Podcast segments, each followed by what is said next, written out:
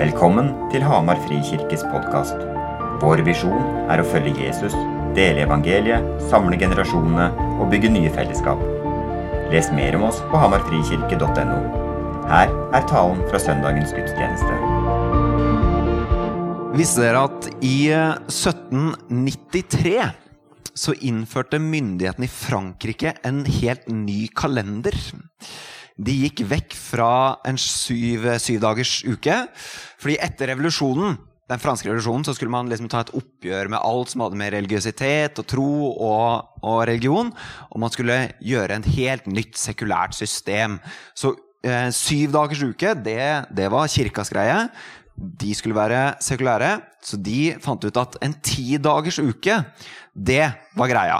Så de utvikla en ny tidsregning hvor en måned besto av tre dekader. En dekad besto av ti dager. Eh, og så begynte man å regne. Man gikk vekk fra tolv timers dag til ti timers dager. Eh, eller 20 timers dager. Og så endra man hele systemet for tid og eh, dager og døgn. Det varte i 17 måneder, det. Og så skjønte man at det der går ikke. Fordi uh, man var vant til å jobbe i seks dager og hvile i én dag. Man var vant til å gå på skolen i seks dager og hvile i én dag. Så når man plutselig skulle jobbe i ni dager, og så hvile én dag, så tok det ikke så veldig lang tid før arbeiderklassen klikka og gjorde opprør. Og de religiøse begynte å si tydelig fra. Det her er ikke greit. Eh, mental helsen gikk ned. Eh, selvmordsstatistikken gikk opp. Samfunnet holdt på å ryke. Det tok 17 måneder, og så stoppa det helt opp.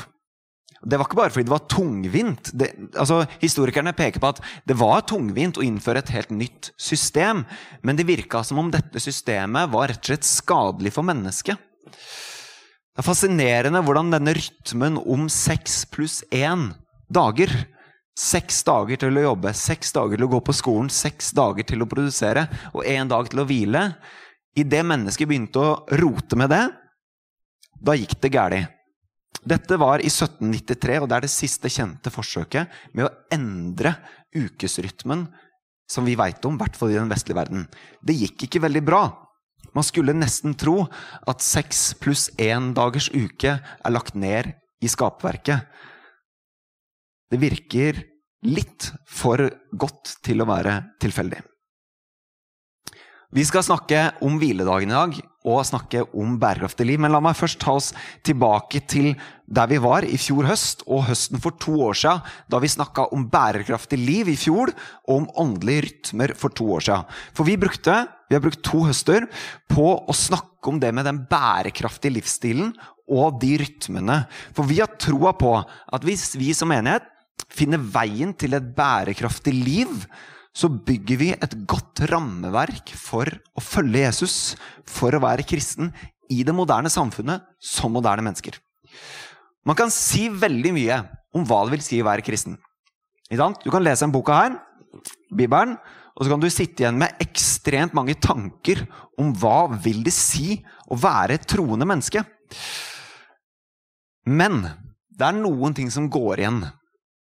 Og en av de tingene som gikk igjen både i jødisk teologi og i kristen teologi, det er tanken om at å tro på Gud handler om å ligne på Gud. Å være lik Gud. Så jødene tenkte vi skal ligne Gud. Og Gud er hellig, derfor skal vi være hellig. Gud han arbeida og skapte seks dager. Derfor skal vi arbeide og skape seks dager. Men Gud hvilte én dag, derfor skal vi hvile én dag for å ligne Gud. Det var en helt klar, tydelig tanke i den jødiske tro og tradisjon. Og de kristne tok det her videre, om enn med, en med et litt annet perspektiv. Hvis du leser i andre korinterbrev, så kan du lese om når Paulus skriver i kapittel 3 om at ved å, ved å måte søke Jesus, eller kontemplere, eller tenke eller bruke tid med Jesus, så blir vi forvandla til, til å ligne Jesus ved Den hellige ånd. Den hellige ånd former og danner de som tror på han, til å bli lik Jesus. Det er akkurat den samme tanken, men fordi jødene de hadde jo et, en, en, tanke om at Gud var usynlig, så de skulle ligne Guds ideer, eller slik Gud hadde åpenbart seg. Mens de kristne de så at Gud hadde vist seg i form av en mann, et menneske. De hadde noe fysisk å ligne på. Ikke som i å endre sitt fysiske utseende, men slik Jesus var og hadde levd. Slik skulle de første kristne ligne på Jesus. Og de hadde en tanke om at det skjer ved Den hellige ånd. Det er en prosess som skjer i oss. Så når vi snakker om åndelige rytmer i den kirka her, når vi snakker om bærekraftig liv i den kirka her, så handler ikke det om at åndelige rytmer og disipliner er så sabla, eller sabla moralsk riktig eller bra. Men det handler om at åndelige rytmer, et bærekraftig liv, det er å danne seg et sett med rammer, disipliner, eh, regler, rytmer Ulike ord kan brukes om det, som hjelper oss å søke Gud, så Den hellige ånd kan forme oss til å ligne Jesus. Rytmer er bare et middel. Det er ikke noe magisk ved rytmer som vi snakker om her i kirka. Det er ikke noe magisk ved å feire villdagen. Det er ganske enkelt en rytme, et rammeverk, som gjør at Den hellige ånd kan gjøre noe i oss. Rytmene hjelper oss å søke Gud slik at vi kan ligne Jesus. Og det er dette er bakgrunnen for hvorfor vi skal snakke om rytmer og arbeid og hviledagen. Det er snakk om noe som kan hjelpe oss å søke Gud, så han kan bli formet i oss, så Gud kan, vi kan bli lik Gud. Det hebraiske ordet for hviledagen det er det hebraiske ordet sabbat. Og det kan oversettes med fire ord. Stoppe, hvile, feire og tilbe. Så det hebraiske ordet sabbat oversettes med disse fire ordene på ulike måter i Gamletestamentet. Så vi skal utforske hviledagen gjennom å snakke om å stoppe, hvile, feire og tilbe. Og vi skal bruke fire uker på det nå framover. Og så skal vi snakke om arbeid og kall mot slutten av november. I den tanke om at å snakke om hviledagen og arbeid, så får vi tak på hva et bærekraftig liv kan være, slik at vi kan ligne Gud. Det er den ene hensikten. Den andre hensikten med å snakke om dette er fordi vi tror at å få det her på plass som menighet, som moderne mennesker, så kan vi få på plass et sunt fornuftig, bærekraftig liv. Der vi ikke blir utbrent, men der vi heller ikke blir pasifiserte. Når vi finner en slags, kall det en bibelsk balanse for livet vårt, i balansen mellom arbeid og hvile, i balansen mellom å gå på skole og hvile, så tror jeg vi får bedre forutsetninger for å tjene Gud med den vi er, i vår hverdag. Det er veldig interessant. Når jeg snakker med pastorer og ledere i Norge, i, si, i bredden av ulike kirkelige samfunn, så er det veldig vanlig å beskrive at pandemien, det syns folk var veldig godt. Veldig mange. Det var deilig å slippe å gå på gudstjeneste. Det var deilig å være med på alle de kristne aktivitetene. Og veldig mange kirker sier at i etterkant av pandemien så ligger frivilligheten nede. De sliter med å få folk til å være frivillige. Og dette gjelder i bredden av norsk kirkeliv, og det er ikke bare norsk, men europeisk og vestlig. Og det er interessant at når pandemien tvinger kirken til å stenge, så syns vi at det var godt. Og jeg husker jeg syns det sjøl. Og det sier noe om at vi kanskje var i en ubalanse, hvor kirke, eller det å følge Jesus, var å leve et veldig aktivitetsorientert liv. Med masse ting som skjedde hele tiden, til det punktet at når vi ble tvunget til å stoppe opp, så var det bare deilig. Og så har vi kanskje endt opp i andre grøfta, hvor vi har blitt pasifiserte og sliter med å finne ut hvordan vi skal bruke oss sjøl i Guds rike. Jeg tror at å finne balansen mellom arbeid og hvile så finner vi også et rammeverk for hvordan bruke oss sjøl på en god, fornuftig, sunn måte i Guds rike. Der vi ikke sliter oss ut på aktiviteter, men der vi heller ikke blir pasifiserte fordi vi er så slitne. Det er ikke et godt tegn når folk går ut av videregående og er, er utbrent. Det er ikke et godt tegn, som veldig mange unge erfarer i dag. Det er ikke et godt tegn at vi har aldri hatt mer fritid noen gang, men vi er så slitne. Det er et eller annet i det moderne samfunnet som er ute av vater, og jeg tror dette også preger veldig mange kristne. At vi strever med å finne den balansen her. Og jeg tror at når vi nå skal snakke om bærekraftig liv, så kan vi finne den balansen mellom arbeid og hvile, slik at vi kommer på plass på en sunn måte, men vi også får kapasitet til å bruke oss sjøl i Guds rike på en god måte. Noe av hensikten her er altså at vi skal hjelpe hverandre å bruke oss sjøl uten å bli utbrent, men der vi faktisk bruker oss sjøl. Bruke styrkene våre, gavene våre, til tjeneste i Guds rike. Så det er egentlig en ganske praktisk fokusere vi skal snakke om de neste ukene. Der vi skal lære å hvile, lære å arbeide, for å kunne bruke oss sjøl sunt og godt og rett uten å bli utslitt og passifisert. Til forskjell fra tidligere taleserie i denne kirka, her, så kaller vi dette for en fokusserie. Og Det er rett og slett fordi vi har jobba mye med husgruppearbeidet inn mot dette. Et grunnleggende spørsmål som vi har stilt i mange ulike settinger her i den kirka de siste åra, er hvordan skal vi lære noe? Hvordan skal vi lære å følge Jesus, dele evangeliet, samle generasjonene og bygge nye fellesskap? Det som er vår visjonssetning. Hvordan skal vi lære det? Fordi jeg kan holde en taleserie om det. Jeg kan formidle kunnskap om det. Jeg kan undervise om det. Så har vi fått kunnskap, men er det det samme som at vi har lært det? Det er jo ikke det. Å lære noe innebærer at det blir praktisert. At det får kropp. At det blir handling ut av det. Å kunne noe med hodet er ikke samme som at vi har lært det. Så når vi spør nå hvordan skal vi lære å hvile, hvordan skal vi lære å arbeide, jo da må vi faktisk praktisere det, og så må vi reflektere sammen over det. Så vi har laga et, eller Eirik Fjelstad har laga et kjempebra studiehefte som husgruppene skal jobbe med de neste ukene, som innebærer praksis også. At vi skal sette av tid til en hviledag i løpet av de neste seks ukene for å erfare, for å få praksis, for å reflektere og for å lære. For jeg tror at hvis jeg holder en kjempegod preken om dette nå i dag, så kan dere tenke at ja, nå har vi lært å hvile, og så går dere hjem, og så er dere like slitne. Og jeg er like sliten. Men dere har fått kunnskap om det, og jeg har kanskje lært noe ved å jobbe med det. Er det det samme som at jeg har lært det? Det er jo ikke det.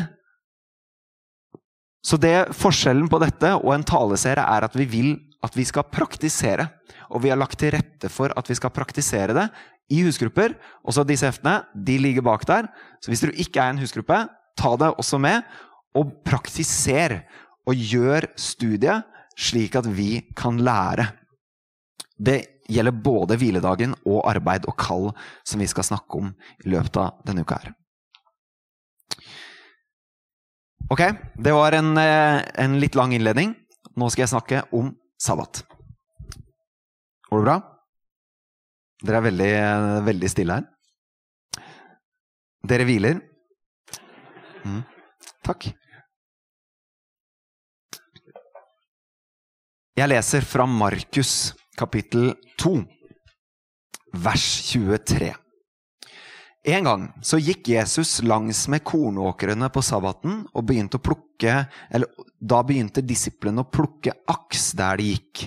Da sa fariseerne til ham, Se der, hvorfor gjør de det som ikke er tillatt på sabbaten? Han svarte, Har dere aldri lest hva David gjorde den gang han var i nød, og både han og mennene hans sultet?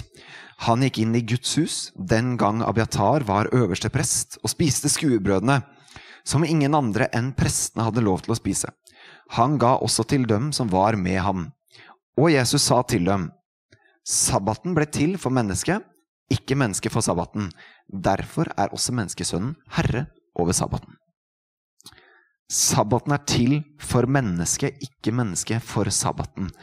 Professor og teolog Ben Witherington, en veldig anerkjent nytestamentlig teolog, sier at det Jesus gjør her, er at han gjør et retorisk, et språklig poeng, der han prøver å si noe om hva Gud hadde en tanke for fra skapelsen av. Nemlig at mennesket ble ikke skapt for å feire sabbat. Og det er, et, det er, jo egentlig en korreksjon han gir til jødene, for det var nesten sånn spesielt fariseerne, de strenge, lovlærde jødene, levde. De forholdt seg til sabbaten som om sabbaten var det mennesket ble skapt for. Og så gjorde de sabbaten til et mål i seg selv. Men det han sier at nei, nei, nei, sabbaten den ble skapt for menneskenes skyld. Og når han bruker, Sabbat er jo det vi kaller hviledag. ikke sant? Det er ikke et konsept. Sabbaten, hviledagen, ble skapt som en gave for menneskenes skyld. En gave lagt ned i skaperverket. En ordning, en tidsramme, lagt ned i skaperverket. Seks dager til å jobbe, til å gjøre lekser, til å produsere, til å skape. En dag til å hvile, til å være. Sabbaten er en gave lagt ned i skaperverket for mennesket. I Første Mosebok kan vi lese om at den sjuende dagen fullførte Gud det arbeidet han hadde gjort, og den sjuende dagen hvilte han fra arbeidet. Det står ikke at han fullførte og så hvilte. Han fullførte og han hvilte. Hvilen var fullførelsen av skapelsen uten at Gud hvilte, så hadde ikke skapelsen vært ferdig. Å hvile var å skape. Men vi tenker jo at å hvile det er jo ikke å gjøre en dritt. For, kanskje litt sykt sagt. Men tenk hvis det er slik at når vi hviler, så skapes det noe. Da får jo plutselig hvilen en veldig dyp hensikt. En dyp mening. Mer enn at det er fravær av ting, så er det å rydde plass slik at noe skjer i oss. Gud velsignet den sjuende dagen, står det, og helliget den. Og helliget betyr ikke at den ble moralsk eller ble perfekt. Helliget betyr at den ble satt til side som noe eget, noe unikt, noe særpreget. Den sjuende dagen skulle være noe annet enn de seks andre dagene. Det skulle være et skifte, det skulle være et brudd. Og ikke bare det, men Gud velsigna den dagen. Så når vi trer ut av arbeidet, stanser, så trer vi inn i en velsignet tidsrom. Hvor noe skapes, hvor noe skjer. Tenk hvis vi kunne fått det perspektivet på hviledagen, en helliget dag. I Norge i dag, i oss som menighet og i Norge, så er det veldig forskjellige praksiser og forhold til det med å hvile, også gjennom generasjonene. Det er annerledes for meg, som er gift og har et småbruk, men ikke barn, å hvile, enn det er for Berit, som er lærer, men hvor alle barna har flytta ut og hvile. Det er forskjell, det er annerledes for Anders, som har en haug med barn, og det er forskjell på å være konfirmant og hvile, og, er, og så er du plutselig pensjonist. Altså, Våre liv ser så forskjellige ut, og vi er ulike generasjoner i tillegg. Hvilen ser annerledes. Vi snakka om det her på bønnelunsjen på fredag, de som var på bønnelunsjen. Og vi snakka om hvordan ulike generasjoner har ulike forhold til eh, hviledagen, men har også ulike utfordringer. Det betyr at når vi skal møte og snakke om hviledagen Det er egentlig ganske komplekst, fordi jeg står her med meg og mitt liv. Og når jeg snakker om sabbat, så klarer noen av dere å relatere dere til, til det jeg sier, fordi dere ser mitt liv og tenker ja, det kan jeg gjøre. Og så er det noen av dere som ser Eirik har ikke barn. Han har ikke peiling på hva han snakker om hviledag. Det er den mest slitsomme dagen i hele uka, for unga er hjemme. Og så er det noen av dere som tenker ja, ja, å, du skulle bare visst. Dette har vi praktisert i alle år. Og så bare Hva er det han snakker om? Hvile? Jeg trenger ikke hvile. Jeg har fri. Jeg slapper av, jeg. Kan se på Netflix.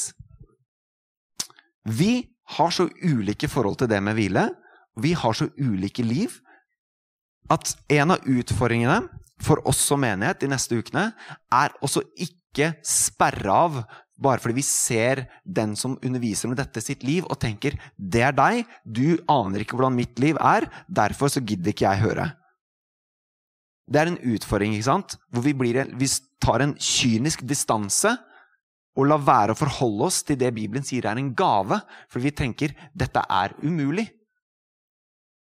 Men hvordan kan vi si nei til en gave lagt ned i skaperverket? Jeg ville kanskje kalt det stolthet, hvis jeg skal være helt ærlig. Tenk hvis det er en gave lagt ned i skaperverket, at en dag i uken så skal vi få være og ikke skape. En helliget dag. Hviledagen det kan være en fridag, eller det kan være en hellig hviledag. Vi er heldige i Norge fordi vi får egentlig ganske mye hjelp vi, fra samfunnet rundt oss. Hvis du bor i USA, så er alt åpent til alle døgnets tider sju dager i uka. I Norge så stenger stort sett samfunnet ned på søndager. Det hjelper oss. Det er helt konge. Sjøl om det også utfordres, så får vi ganske mye hjelp fra samfunnet rundt oss. Det er slik at noen blir Noen naboer sier ganske klart ifra hvis du bruker eh, grasklipperen på en søndag. Og det kan være kristne og ikke-kristne. Fordi søndag det skal være en stille dag. Bortsett fra hvis du er bonde. Da Da kan du gjøre hva du vil her på Hedmarken. Ikke sant? Det er jo, ikke sant? Det, det, så det er kulturelt i tillegg. Vi får, vi får, en del hjelp. Og veldig mange hos oss har et veldig godt forhold til hviledagen, hvor vi har praktisert det egentlig gjennom hele livet. Og så er det noen av oss som ikke har noe slags forhold til det. Og så er det noen som har vokst opp med at hviledagen det var den dagen du ikke skulle gjøre noe gøy. Så det er en kjip dag. Ikke sant? Og så er det noen som leser Nytestamentet og har lagt merke til at sabbatsbudet fra de ti bud er det eneste budet Jesus ikke gjentar. Så Jesus siterer alle ti bud, bortsett fra sabbaten. Hvorfor det? Eh, Det må være fordi han ikke vil at vi skal feire det. Ah, jeg tror ikke det er det. Vi har så ulike forhold til denne dagen som gjør at å snakke om dette er egentlig ganske komplisert i vår menighet. Men tenk hvis det er en gave lagt ned i skaperverket. En velsignet tid. En hellige tid. Ikke et konsept som jeg har sittet og lest om og tenkt ut, men noe som er lagt ned i skaperverket. Er det ikke verdt å utforske det? Er det ikke verdt å praktisere det? Er det ikke verdt å finne ut av om det er noe som skapes når vi slutter å skape? Gud inviterer oss til å hvile, til å stanse, til å feire og til å tilbe. Og de fire tingene skal vi utforske. Og jeg tror vi kommer til å få erfare at den dagen kan bli den beste dagen i uka. Sånn jeg tror Gud har ment det til å være. Sabbat er et verb, ikke et substantiv. Når jeg snakker om hviledagen, så bommer jeg egentlig på hva som står i det hebraiske språket. Det står egentlig 'å sabbatte'. Det er en handling. Det er ikke et konsept. Det er noe vi praktiserer gjennom å stanse og hvile og feire og tilbe. Legg merke til verbet 'å stanse'. Det er en handling. Og sabbatet. Jeg kan ikke si det, for det høres utrolig corny ut på norsk. Men det er ment å være en handling, ikke en teori. Så å stanse, hva betyr det? Jo, det betyr å slutte å produsere. En stans av arbeid og aktivitet som skaper. En stans i lekser og skole. En stans i å forbedre. Det er en stans. Og jeg tror at for å forstå det, så må vi lese litt i andre Mosebok, kapittel 20. Dette er første gang de ti bud gis, fra vers 8. Der står det Husk sabbatsdagen og hold den hellig. Ikke moralsk perfekt, men som noe eget, noe unikt, noe satt til side. Seks dager skal du arbeide og gjøre all din gjerning. Men den sjuende dagen er en sabbat, igjen et verb, for Herren din Gud. Da skal ikke du gjøre noe arbeid, verken du eller din sønn eller din datter. Verken slaven eller slavekvinnen, verken budskap, buskapen din eller innflytteren som bor i byene, byene dine. For på seks dager laget Herren himmelen og jorden, havet og alt som er i den. Men den sjuende dagen hvilte han. Derfor velsignet Herren sabbatsdagen og helliget den. Hvis du tar mengden ord som står rundt eh, de ti bud, så er sabbatsbudet det er ett bud, men det står for en tredjedel av undervisningen. Det virker som om det er viktig. Det er et eller annet her som vi kan få tak på. Og det som er så vakkert da når du studerer dette, de ti bud, det ble jo gitt til jødene idet de var på vei ut av slaveri, ut av Egypt. 400 år uten pause. De hadde ikke hatt én dag fri på 400 år. Ikke én dag uten produksjon. Ikke én dag uten slaveri. Verken barn eller voksne. Ikke én dag til å tilbe. Ikke én dag til å feire. Ikke én dag til å minnes. Ikke én pause. 400 år. Tenk på hva det gjør med et folk. Hvordan det bakes inn i DNA-et og kulturen. At vi er et folk som skal produsere kontinuerlig, og slik er det. Og så kommer Gud tar dem ut av slaveriet og sier en dag i uken så skal dere få være. Tenk deg for et sykt digg budskap! Det må ha vært helt konge! Og så må det ha vært kjempeutfordrende å praktisere det. For det var så bakt inn. Og jeg tror det er en av grunnene til at det er så mye undervisning om det i de tilbud. For det var så innbakt i kulturen og DNA-et at vi stanser aldri.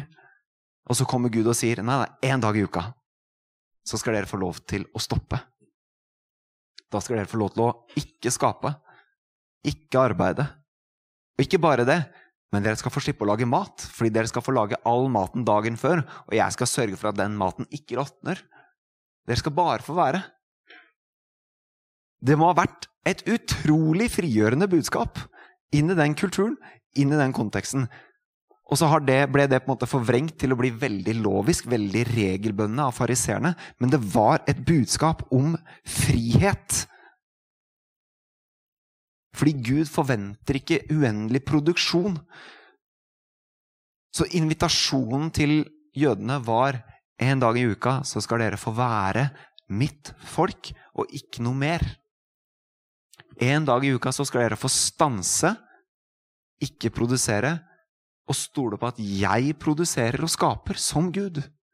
En dag i uka så skal dere få lov til å hvile og la meg bære. En dag i uka skal dere få spise digg mat, fordi jeg er god og vil at dere skal nyte godt. En dag i uka skal dere få tilbe meg med ord og handling. En dag i uka så skal dere sabbate. Det var et fantastisk budskap.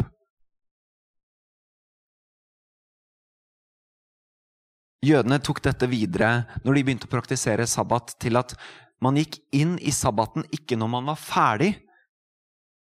Nei, man gikk inn i sabbat når tiden startet. Det var ikke et mål om å fullføre. Fordi man hadde en tanke om at dette er viktig, men det som er viktigere, er at i stedet for å fullføre det arbeidet jeg har starta, så skal jeg få legge det ned. Nå går jeg inn i hvilen. Så kan det få være til neste uke. Det er en veldig avslappet holdning.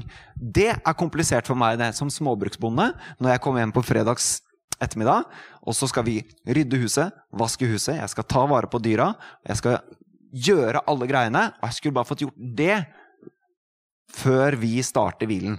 Det, tanken om at jeg må bare fullføre, den ligger der hver uke, den for min del. Og det er en veldig norsk holdning, ikke sant? i hvert fall en som har litt ansvarsfølelse og pliktoppfyllende. Og, og, liker å få ting gjort, men er dårlig til å fullføre. Så jeg kjenner litt sånn dårlig samvittighet også når jeg ikke fullfører ting.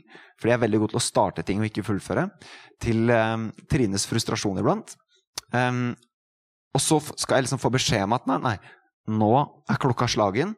Nå skal det få være. Og så våkna jeg Vi feirer jo sabbat, eller hviledagen, da, fra fredag kveld til lørdag. Og i går tidlig så våkna jeg, og idet jeg våkna, så var huet mitt på et jobbproblem med en gang. Og jeg kjente angsten kom ganske fort i magen.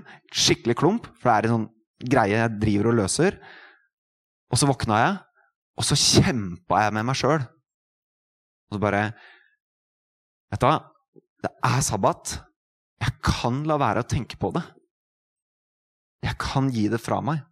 Det problemet trenger ikke jeg løse nå. Slik at å stanse betyr ikke bare produksjon med kroppen, men kanskje det betyr også å stanse produksjon med hodet. Og la hodet få hvile.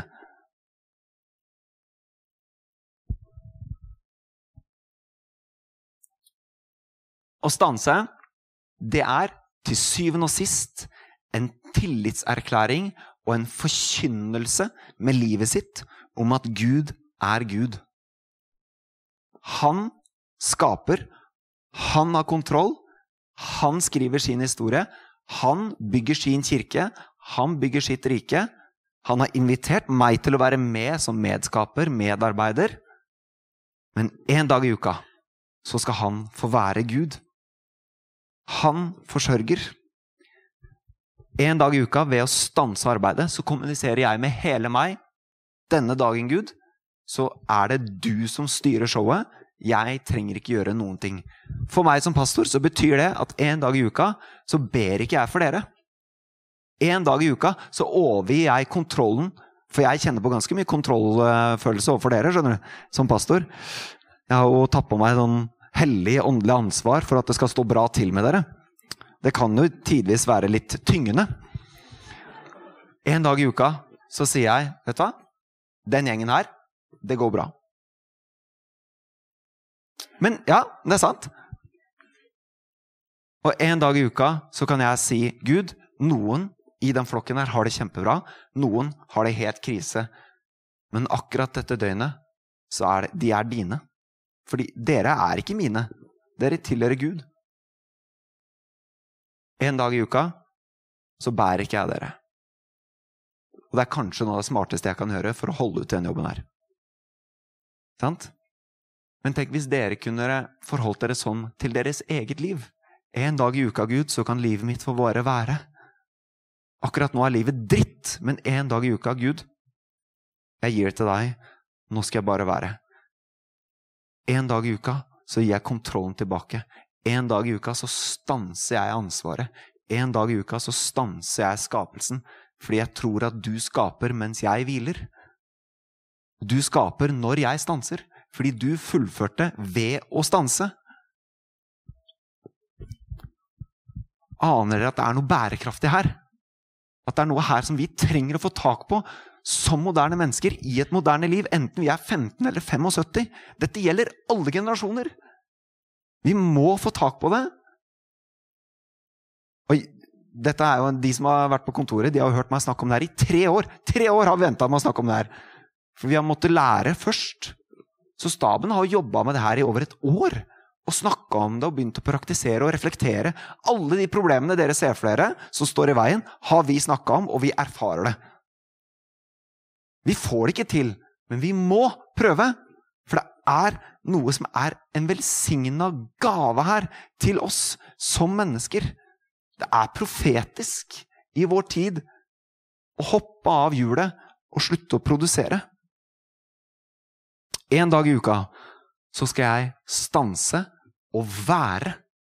En dag i uka skal jeg la meg elske og ikke gjøre noe, ikke be for noe, ikke skape noe. En dag i uka så skal jeg hvile, leke, feire, tilbe. Det skal vi snakke om senere. I tillit til at han skaper. Han ligger langt foran meg. Den hellige ånd har kontroll og tar mye bedre vare på dere og meg enn det jeg kan. En dag i uka så inviteres vi til en gave av et hvilerom. Der vi overgir kontroll og skapermakten tilbake til Gud og stanser der vi ikke produserer, ikke skaper. Der vi ikke gir noe tilbake annet enn å være. Der vi ikke gir tilbake ved å gjøre, men ved å tilbe. Der vi ikke gir tilbake annet enn å feire livet, spise god mat, leke. Det dette handler om, er at Gud vil at vi skal få erfare Edens hage.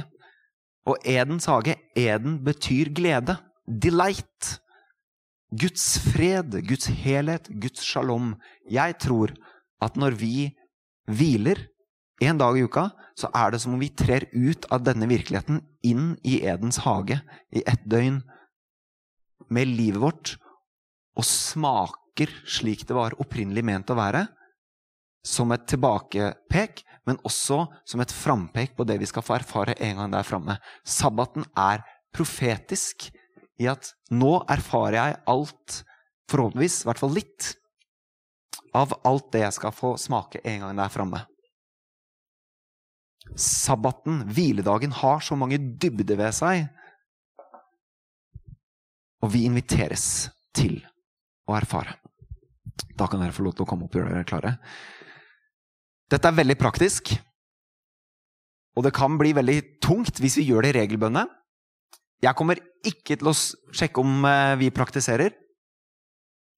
Jeg får det ikke til. Jeg prøver. Men det er et eller annet her. Og det gjelder alle generasjoner, enten man er 75 eller 15. Og så skal vi bruke de neste tre ukene, fire ukene på å snakke om flere sider av det her. Skal vi reise oss, og så skal vi synge litt. Når vi synger nå, så er det mulighet for å legge en stein ved korset hvis du har noe du vil legge fra deg. Det er lys i lysgloben hvis du vil tenne noe som en bønn for noen. Eller det er formen bak der. Men vi skal avslutte med å synge sammen i en god stund. Eh, og så bruker vi tid med hverandre og med Gud. Amen.